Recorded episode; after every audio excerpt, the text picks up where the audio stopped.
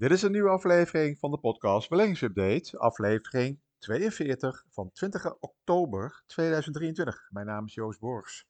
elke week een kort overzicht over de beurs, beleggen en vermogensopbouw.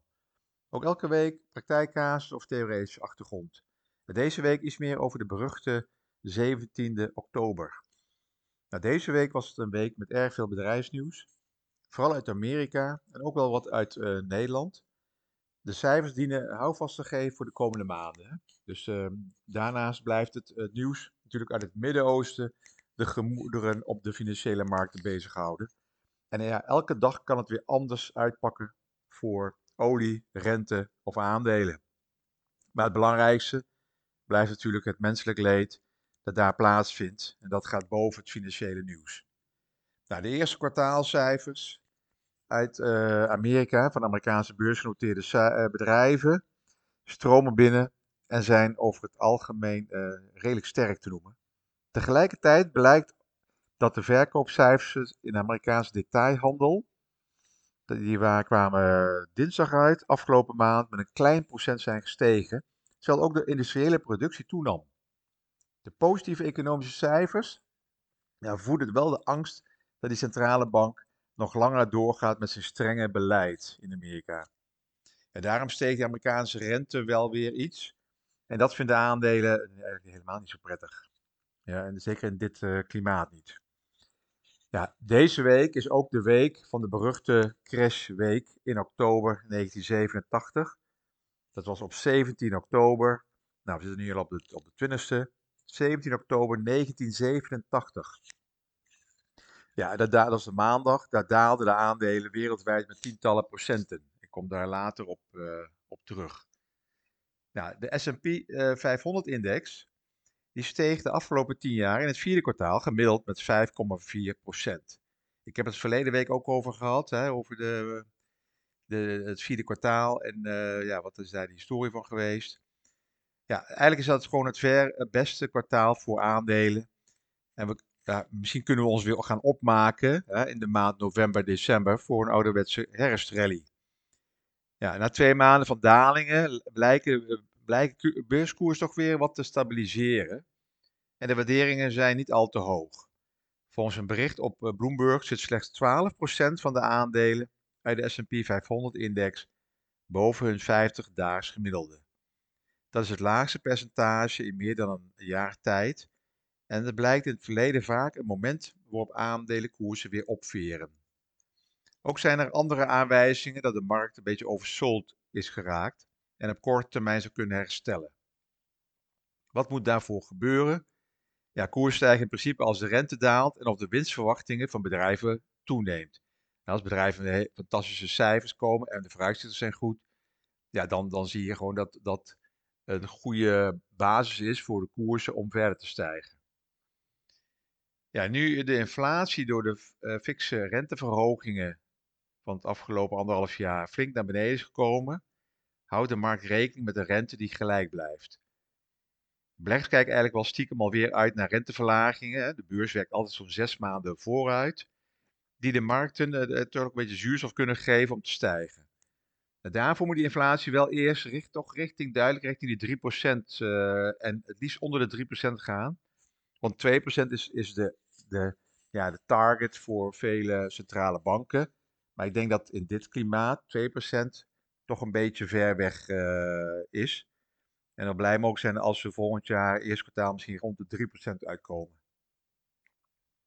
Ja, die winstverwachting van bedrijven is dan altijd belangrijk. Hè? Bedrijf, als een bedrijf winst maakt en die, en die winst jaarlijks kan verhogen, dan, dan, en het dividend kan verhogen, ja, dat is een goede basis voor, uh, voor koersen. Ja, dus dat uh, doorgaans leiden bedrijfscijfers, uh, die hebben wel last van hoge rentes. Want de financieringskosten en de productie worden duurder. De loonstijgingen moet je ook alweer mee, meenemen. En consumenten, de, met de flinke rentestijging, consumenten hebben gewoon minder te besteden. Want ze moeten natuurlijk wat meer huur betalen of hun hypotheek is wat verhoogd. Dus er blijft er minder over om leuke dingen te doen. Dus, dus bedrijven hebben dus veel last van economisch tegenwind op dit moment. En dat, dat gaan we dus de komende uh, twee weken zien aan de bedrijfscijfers die er nu allemaal uitkomen. Nou, de afgelopen dagen waren alle bankaandelen met, met de cijfers, maar het gaat gewoon elke dag komen er cijfers uit. Ja, voor bedrijven uit de brede Amerikaanse S&P 500-index wordt voor het derde kwartaal door analisten gemiddelde groei van 1,5% verwacht. Voor de Europese uh, eh, stok 600 een winstdaling van gemiddeld 11%. Dus ja, ook voor de komende kwartalen zijn de, winstgroei, uh, de winstverwachtingen voor Amerikaanse bedrijven positiever voor de Europese bedrijven. Ja, dus uh, ze verwachten pas voor Europa een herstel van de cijfers in het tweede kwartaal volgend jaar, 2024. Ja, dat is eigenlijk ook waarom je altijd ziet dat Amerikaanse aandelen toch altijd de voorkeur krijgen boven Europese. Maar ja, hoe, eh, hoe voelen beleggers zich op dit moment? Uh, hoe zit het met sentiment? Uh, dan kijk je eigenlijk naar het algemene beurssentiment. Ik heb gekeken naar de CNN Fear and Greed Index. Dat is een, bekende index in Amerika van CNN. De angst en gretigheid, de angst- en hebzucht index is het.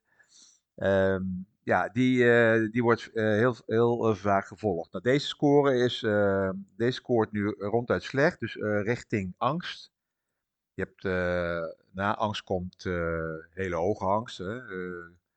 maar hij hangt er een beetje tussen, tussen angst en extreme angst, extreme fear.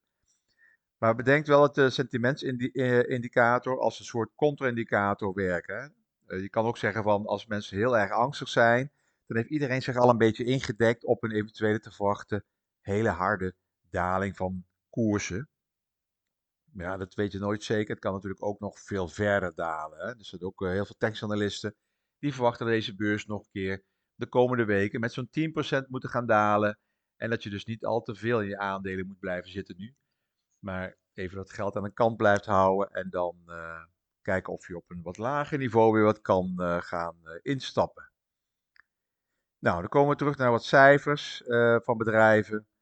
Eh, ASMI, ASML en ASMI. Maar ASML uh, was, kwam becijferd, die waren volgens verwachting. Die kwamen afgelopen woensdag.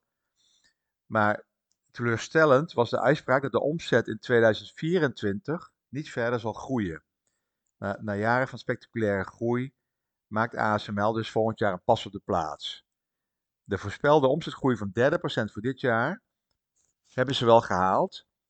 Maar 2024 wordt qua omzet een vergelijkbaar jaar, uh, zegt eh, ASML. Nou, de chipindustrie kampt al meerdere kwartalen met een stevige terugvallende vraag. En dat begint het bedrijf in uh, Veldhoven nu ook te voelen. Ook natuurlijk de geopolitieke spanningen als oorzaak voor onzekerheid in de markt. En vooral de relatie China-Amerika, de Verenigde Staten, maakte dus ook uh, verleden week bekend dat de regels voor de export van geavanceerde chiptechnologie verder zal gaan aanscherpen. ASML verwacht daardoor minder machines aan Chinese klanten te kunnen verkopen. Ja, dit speelt al een jaar, maar het, ja, die Amerikanen die, die, die, die draaien steeds uh, meer aan die kraan, die kraan dicht. Dus het wordt steeds meer lastiger voor bijvoorbeeld Nvidia of ASML. Nou, daarnaast maar dat gaat iets op lange termijn spelen. ASML is een, monopolist. Die heeft een fantastische machine. Die uh, staat mijlenver voor uh, de concurrenten en blijft behoorlijk in investeren. Maar ze beginnen een beetje de monopoliepositie kwijt te raken. de concurrent Canon heeft ook een machine ontwikkeld waarmee chipfabrikanten de meest geavanceerde halfgeleiders kunnen maken. Iets waarvoor tot nu toe de apparaten van van ASML eh, eigenlijk onmisbaar werden geacht. De Japanners maakten dat uh, deze week uh, wereldkundig. Maar wat op het oog groot nieuws lijkt, werd op de beurs met schouder uh, ophalen ontvangen een beetje. Van ja, het zal wel, het is nog een paar jaar te gaan. Canon zal niet de komende twee jaar een soortgelijke machine kunnen produceren. Maar dat de concurrentie uit Azië en ook Amerika in deze niche-markt willen meedoen, is zeker. En het zal zeker een risico zijn voor ASML. Dus er zal dus meer geld door ASML eh, naar ontwikkeling moeten gaan, research en development. En misschien is er dan wat minder naar dividend uh, kunnen gaan, denk ik. Dus dat, maar ja, dat is voor de aandeelhouder wel in de gaten houden. Hè. Je hebt vaak monopolistische bedrijven gehad, die op een gegeven moment toch net de verkeerde machine hadden. Of dat er een machine komt die iets beter doet, of een, een gadget. Kijk maar naar Nokia, vroeger grootste telefoonmaatschappij, mobiele telefoonmaker ter wereld. Totdat ze ingehaald werden door Apple, die met een heel ander concept kwam. En plotseling de mobieltjes van Nokia heel erg oud en verouderd uh, deden lijken. En dat waren ze ook, want ze waren gewoon niet met de tijd meegegaan. Dus uh, houd het in ieder geval in de gaten.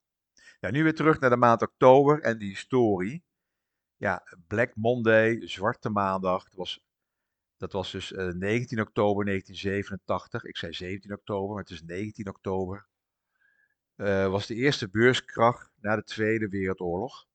De crash begon op de Hong Kong uh, Exchange, daarna op de beurzen in West-Europa, die een paar uur eerder openden dan Amerika, maar later openden dan Hongkong.